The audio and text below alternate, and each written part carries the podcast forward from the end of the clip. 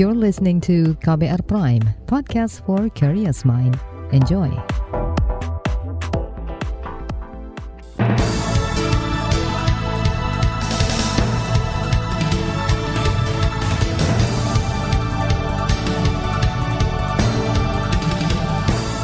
Selamat pagi saudara, senang sekali kami bisa menjumpai Anda kembali melalui program Buletin Pagi edisi Jumat 29 Juli 2022. Bersama saya Naomi Liandra. Sejumlah informasi pilihan telah kami siapkan di antaranya, pemerintah upayakan langkah preventif cegah penyakit hepatitis. Kasus COVID-19 tanah air kembali melonjak. Kejari Kabupaten Bogor tetapkan dua tersangka korupsi dana bencana. Inilah Buletin Pagi selengkapnya terbaru di Buletin Pagi. Saudara, Indonesia menduduki peringkat pertama di Asia dengan prevalensi penderita hepatitis B sebanyak 7,1 persen dari jumlah global. Total hingga 2021 penderita hepatitis B global mencapai 350 juta orang. Karena itu pemerintah kini tengah berupaya menurunkan prevalensi hepatitis B dengan deteksi dini pada ibu hamil dan anak. Hepatitis B adalah penyakit peradangan pada organ hati akibat virus hepatitis B. Menteri Kesehatan Budi Gunadi Sadikin menyampaikan upaya tersebut dalam acara peringatan Hari Hepatitis Sedunia kemarin kita intervensi di ibunya. Itu preventif supaya sebelum bayinya lahir dia nggak ada. Caranya dengan apa? Satu A dengan surveillance, ibu hamil dengan testing, ya pakai rapid test saja biar gampang. Semua posyandu nanti dikasih bisa lakukan itu semua bidan. Yang kedua dengan kalau sudah positif dikasih antivirus dan novuvirin. Yang kedua apa? Ya kalau yang nomor satu telat kita urusin bayinya. Dilakukan apa? Bayinya harus dilakukan 2A imunisasi. Imunisasinya saya diajarin ada yang aktif dan ada pasif. Menteri Budi mengatakan upaya vaksinasi dan deteksi dini harus segera dilakukan. Pasalnya pada 2021 terdapat 4,8 juta ibu hamil. Dari jumlah itu 2,9 juta mengikuti tes dan terdapat 47 ribu terdeteksi positif hepatitis. Dari jumlah tersebut, 18 ribu bayi yang lahir dari ibu positif memiliki hasil deteksi yang sama. Budi mengimbau ibu hamil rajin memeriksakan kandungannya agar terhindar dari hepatitis B. Pemerintah akan berupaya mengakomodir kesehatan masyarakat dengan melengkapi fasilitas puskesmas dan posyandu serta membangun rumah sakit khusus hepatitis di setiap provinsi. Vakumnya ribuan posyandu dan tidak maksimalnya pelayanan kesehatan saat pandemi menjadi salah satu kendala pemerintah mendeteksi ibu hamil dan anak terjangkit hepatitis. Kepala Bidang Pencegahan dan Pengendalian Penyakit Dinkes Depok Umi Zakiati mengatakan pandemi membuat jumlah kunjungan ke puskesmas menurun sehingga proses screening hepatitis sulit dilakukan. Belum optimalnya pemantauan dan evaluasi program deteksi dini hepatitis B ya DDHB itu deteksi dini hepatitis B pada ibu hamil di fase yang uh, yang kemudian direkam oleh dinas kesehatan belum optimalnya kolaborasi lintas program di dinas kesehatan ya ini juga uh, di kami ini harus kita harus kami kuatkan kembali gitu ya. Umi Zakiati menyebut pencatatan serta pelaporan program deteksi dini hepatitis B DDHB dinilai belum maksimal. Menurutnya perlu ada sosialisasi dan pelatihan yang lebih masif terkait pencegahan hepatitis. Ia juga menilai belum adanya regulasi terkait pencegahan penularan ibu ke anak PPIA di daerah khususnya di Depok menjadi kendala deteksi dini dilakukan.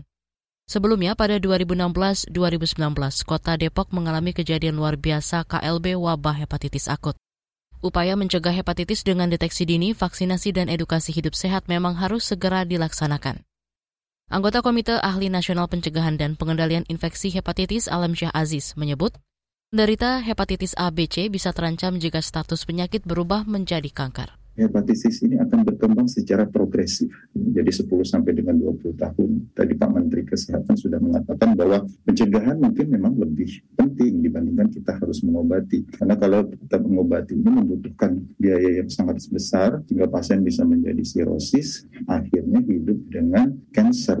Nah inilah yang harus kita atasi, bagaimana kita mencegah penularan dari ibu ke janin sehingga kasus-kasus dengan biaya yang sangat besar ini bisa kita kurangi dan tentunya kita mengharapkan generasi kita yang sehat. Alam Syah mengatakan bayi yang lahir dengan hepatitis memiliki 5 hingga 10 persen kemungkinan sembuh, di mana 95 persen sisanya akan hidup dengan hepatitis B dan berkembang menjadi sirosis seiring pendewasaan. Untuk itu Alam Syah mendorong pemerintah segera menyediakan vaksinasi dan obat antivirus seperti tenofovir di rumah sakit daerah. Saat ini antivirus tenofovir baru tersedia di enam provinsi yakni DKI Jakarta, Lampung, Jawa Timur, Kalimantan Selatan, Sulawesi Selatan, dan Nusa Tenggara Timur. Besarnya jumlah penderita hepatitis di Indonesia mendapat sorotan parlemen. Anggota Komisi Kesehatan DPR Rahmat Handoyo mendorong pemerintah memaksimalkan kembali layanan kesehatan untuk semua penyakit, khususnya hepatitis pasca pandemi COVID-19. Betul, karena ini hanya dengan cara itu yang paling efektif untuk terhindar dari penyakit-penyakit menular yang sudah terkendali. E, pemerintah sendiri sudah menyampaikan, sudah mengakui kok sangat rendah capaian vaksinasi dasar ya. Jadi sebabkan itu di pandemi, tetapi untuk e, sehingga muncul satu outbreak penyakit-penyakit yang sudah mulai naik kembali yang sudah di, bisa dikendalikan. Saya ingin mengingatkan, kita sudah bersepakat dengan pemerintah kok kita tingkatkan edukasi, kita tingkatkan sosialisasi untuk vaksinasi dasar kita untuk bisa segera kita targetkan secepat mungkin. Rahmat juga mengingatkan pemerintah membuat satu kebijakan untuk memberdayakan posyandu. Kata dia, hal ini dilakukan untuk memberikan pelayanan lebih dekat kepada masyarakat sampai level RT RW, sehingga program deteksi dan edukasi terkait hepatitis bisa lebih mudah. Selanjutnya, kasus COVID-19 tanah air melonjak. Informasinya akan hadir sesaat lagi. Tetaplah di Buletin Pagi KBR. You're listening to KBR Pride, podcast for curious mind. Enjoy!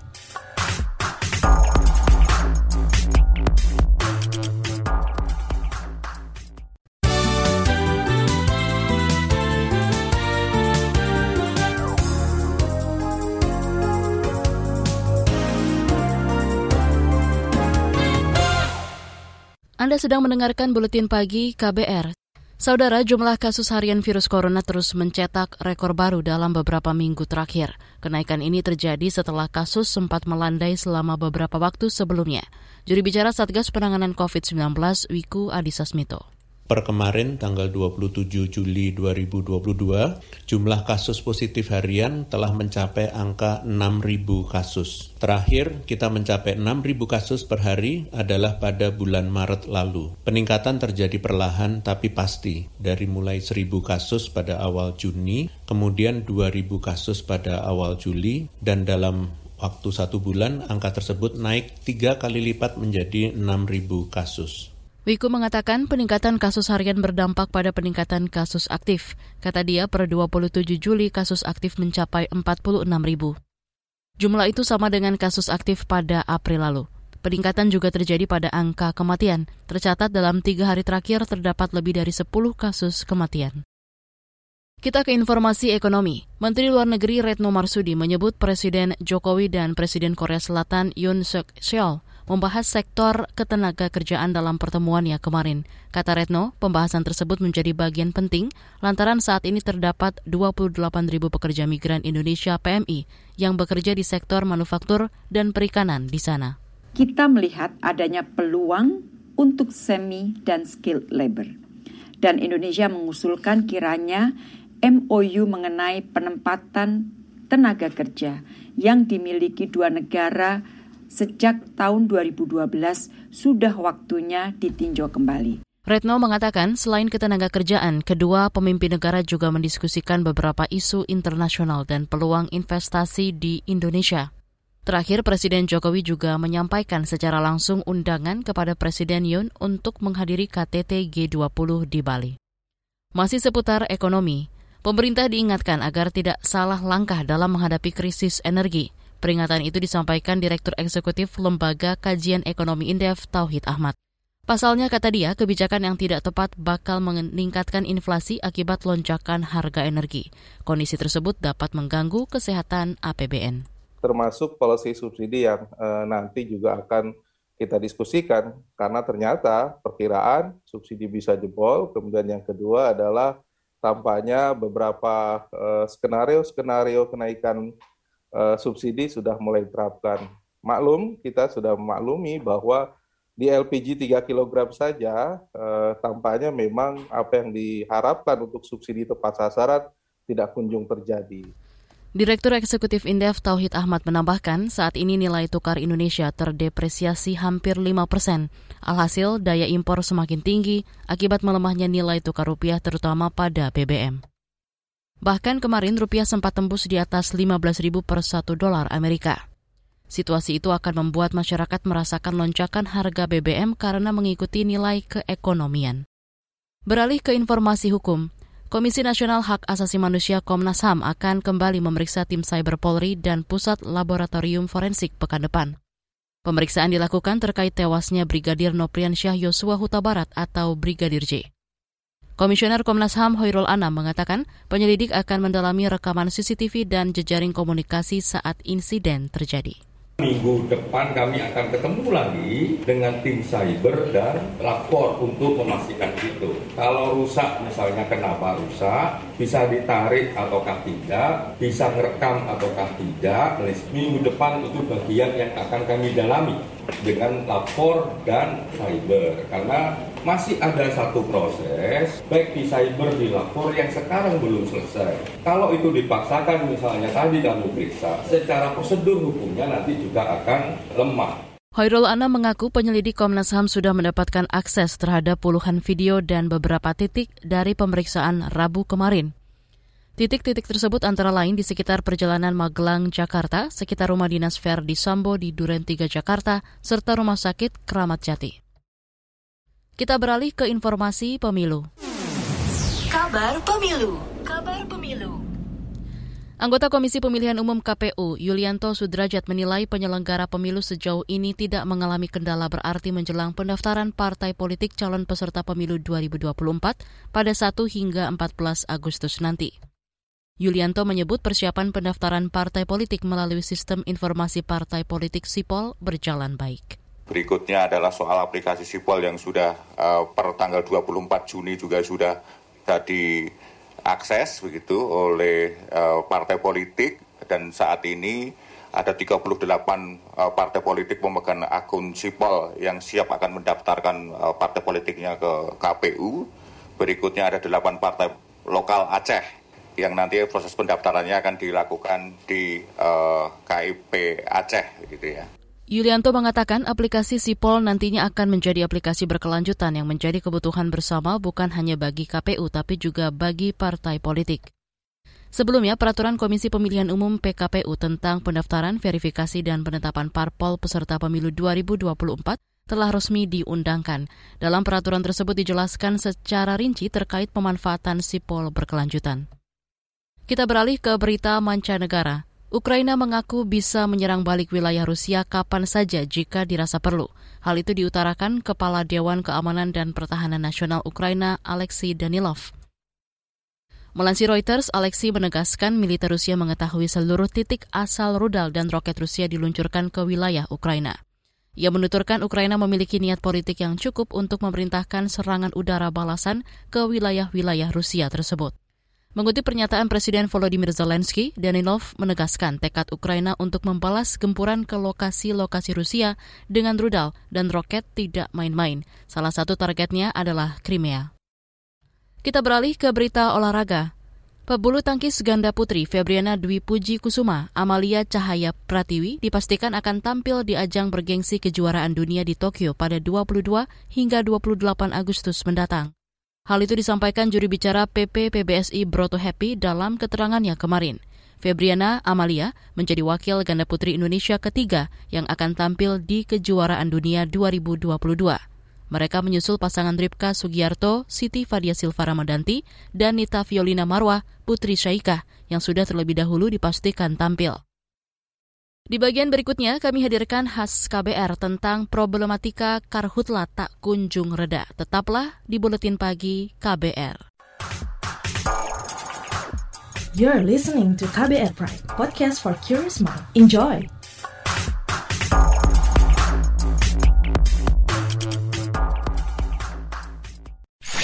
Commercial break. Commercial break.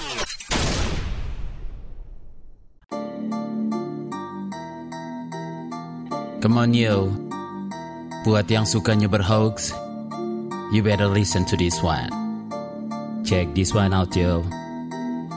Hati-hati kalau baca kabar. Hoax.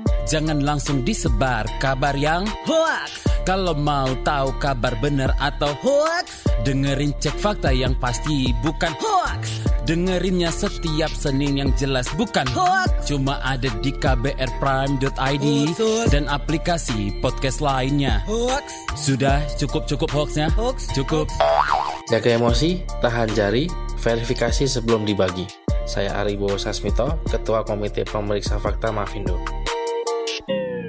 KBR Prime, podcast for curious mind.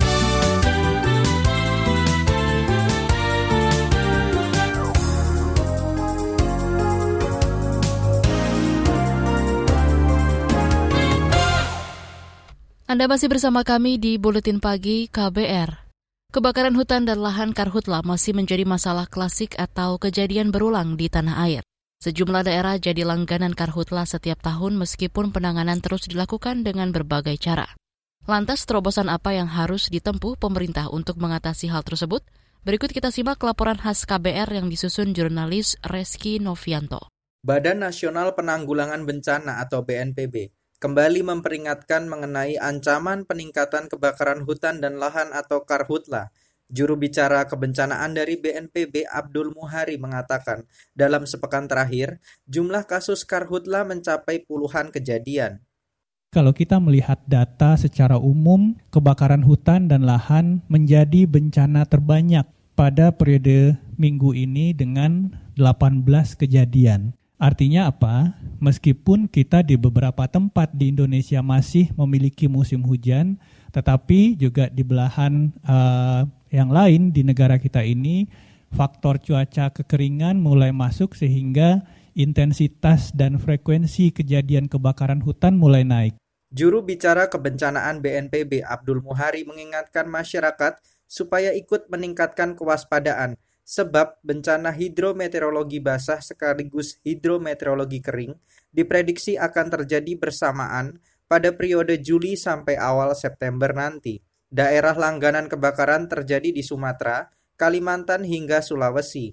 Menurut BNPB, dalam sepekan terakhir ada lebih dari 50 hektar lahan terbakar. Di Aceh, para petugas kewalahan menanggulangi kebakaran lahan yang terus meluas Kepala Bidang Kedaruratan dan Logistik Badan Penanggulangan Bencana Daerah atau BPBD Aceh Tengah, Iwan Ilham Abadi mengatakan, hingga pertengahan Juli, area lahan yang terbakar meluas di tiga kabupaten, yaitu Aceh Tengah, Aceh Besar, dan Aceh Barat Daya itu sampai sekarang belum padam itu. Itu yang udah terbakar mungkin lebih kurang sekitar 20-an hektar. Juga tambah besar karena nggak mungkin terjangkau lagi udah ke atas, di atas udah tebing, angin juga kencang, nggak bisa nggak mungkin kita tembus. Agen berbahaya betul. Iwan mengatakan, karhutlah sulit dihentikan karena cuaca kemarau memicu lahan mudah terbakar. Kementerian Lingkungan Hidup dan Kehutanan atau KLHK mengklaim terus mengedepankan pencegahan dalam upaya penanggulangan kebakaran hutan dan lahan di Indonesia. Direktur Pengendalian Karhutla KLHK Basar Manulang mengatakan, memasuki musim kemarau tahun ini, KLHK melaksanakan rekayasa hujan melalui teknologi modifikasi cuaca atau TMC sudah kita lakukan di Riau sebelum Lebaran kemarin ya antara 14 sampai 28. Jadi daerah-daerah lain akan menyusul kita melakukan operasi TMC seperti di Sumsel, Kalimantan Barat. Nah ini juga operasi TMC ini adalah uh, sinergitas atau kolaborasi para pemangku kepentingan. Misalnya dengan BNPB, dengan TNI Angkatan Udara dalam penyiapan pesawatnya, BMKG merekomendasikan apa yang tetap dan BRIN beserta KLHK termasuk mitra dan pemerintah daerah. Hujan buatan terutama difokuskan di lahan gambut karena rawan kebakaran di musim kering. KLHK memprioritaskan penanganan karhutla di Riau, Sumatera Selatan, Jambi, Sumatera Utara, Kalimantan Barat, Kalimantan Selatan, dan Kalimantan Timur. Selain rekayasa cuaca, pemerintah juga mengancam menindak tegas para pihak yang terlibat pembakaran hutan dan lahan, baik korporasi maupun perorangan. Menteri Koordinator Politik Hukum dan Keamanan Mahfud MD mengatakan, bagi korporasi, ancamannya adalah sanksi administrasi hingga pencabutan izin penggunaan hutan dan lahan. Kalau perlu sebelum ke pengadilan kita selesaikan dulu secara administrasi. Kalau masih cabut izinnya, tidak apa-apa. Berperkara ya berperkara memang begitu caranya. Kalau kita cabut izinnya ya berperkara saja. Nanti hakim kita berdebat di pengadilan. Nanti perkara berjalan kan masa kebakaran udah lewat. Meski demikian, Mahfud mengklaim penanggulangan kebakaran hutan dan lahan berjalan baik lima tahun terakhir. Hal tersebut ditandai dengan asap berkurang dan area kebakaran turun jauh. Namun, kalangan pegiat lingkungan masih kecewa dengan penanganan karhutla oleh pemerintah. Direktur Eksekutif LSM Wahana Lingkungan Hidup Indonesia atau WALHI, Zenzi Suhadi meminta pemerintah lebih keras menekan korporasi pengguna kawasan hutan dan lahan dalam upaya pengendalian karhutla.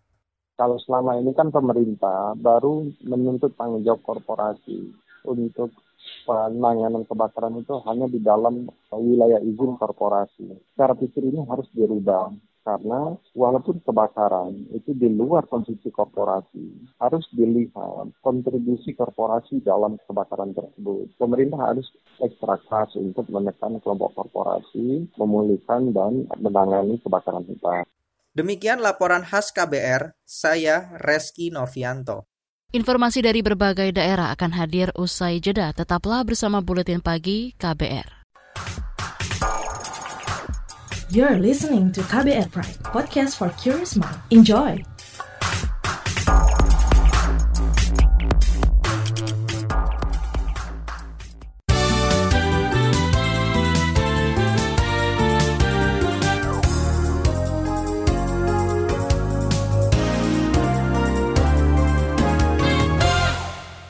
Inilah bagian akhir buletin KBR. KPK akhirnya menahan bekas Bupati Tanah Bumbu Kalimantan Selatan Mardani Maming kemarin. Ia ditahan karena diduga korupsi pemberian izin usaha pertambangan di Kabupaten Tanah Bumbu. Ia sempat mangkir beberapa kali saat pemanggilan dan juga mengajukan pra-peradilan namun ditolak oleh hakim. Kejaksaan Negeri Kabupaten Bogor menetapkan dua tersangka korupsi dana bantuan kebencanaan yang bersumber dari belanja tak terduga BTT tahun anggaran 2017.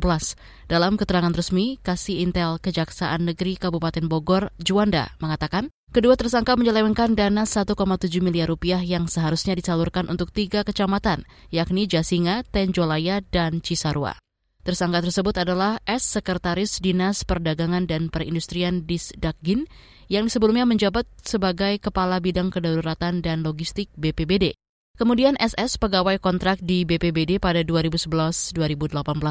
Kejari Bogor belum menahan kedua tersangka, namun bakal segera dipanggil untuk pemeriksaan lanjutan.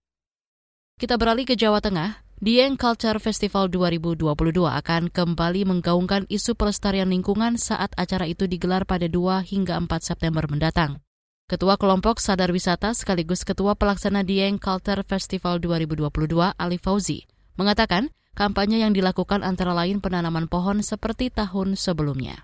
Ini menjadi satu yang kita mengangkat kearifan ke, kearifan lokal yang kita sinkronkan dengan acara budaya ini bahwa uh, kegiatan kami kan tidak hanya syukuran sebetulnya ada napak tilas budaya di mana memang uh, orang Jawa sangat suka dengan uh, dulu napak tilas ke ya mohon maaf beberapa tempat yang dianggap sakral seperti hmm. uh, mata air uh, seperti hutan masih banyak pohon-pohon besar dalam arti tanda kutip itu untuk melihat kelestarian lingkungan bukan menyembah hmm. Nah ini kan kita angkat semua sebetulnya ada acara-acara kecil yang Sebelumnya isu alih fungsi lahan telah menjadi persoalan di kawasan Dieng. Beberapa tahun terakhir, kawasan hutan dan perkebunan rakyat Dieng dan sekitarnya telah berubah menjadi lahan pertanian semusim. Karena itu pemerintah bersama sejumlah pihak berupaya mengajak masyarakat membudidayakan komoditas yang memiliki nilai konservasi, salah satunya yakni kopi Arabica. Terakhir kita ke Papua. Dinas Sosial Kependudukan dan Catatan Sipil Provinsi Papua terus berupaya membenahi data kependudukan di sana. Kepala Dinsos Kependudukan dan Catatan Sipil Papua Ripka Haluk mengatakan salah satu caranya ialah dengan meningkatkan capaian perekaman kartu tanda penduduk elektronik atau KTPL. Perekaman KTPL merupakan salah satu meminimalisir data ganda dalam pendataan penduduk. Untuk perekaman, jadi semua kekuatan punya kita gerakan uh, strateginya kita rubah dan ini diarahkan tim ajun kami yang pertama untuk memediasi kami dengan pemerintah kabupaten sisir semua itu untuk bagaimana kita angkat punya pencapaian presentasinya. Kepala Dinas Sosial Kependudukan dan Catatan Sipil Papua Ripka Haluk mengatakan data kependudukan atau nomor induk penduduk NIK yang valid dapat menjadi acuan dalam penyaluran bantuan sosial terutama bagi warga tidak mampu. Karena itu, pemerintah akan menyelaraskan data penerima bantuan sosial dengan NIK agar penyaluran bantuan sosial tepat sasaran. Informasi tadi menutup jumpa kita di Buletin Pagi hari ini. Pantau juga informasi terbaru melalui kabar baru situs kbr.id, Twitter kami di akun @beritaKBR, serta podcast di alamat kbrprime.id. Akhirnya saya Naomi Liandra bersama tim yang bertugas undur diri. Salam.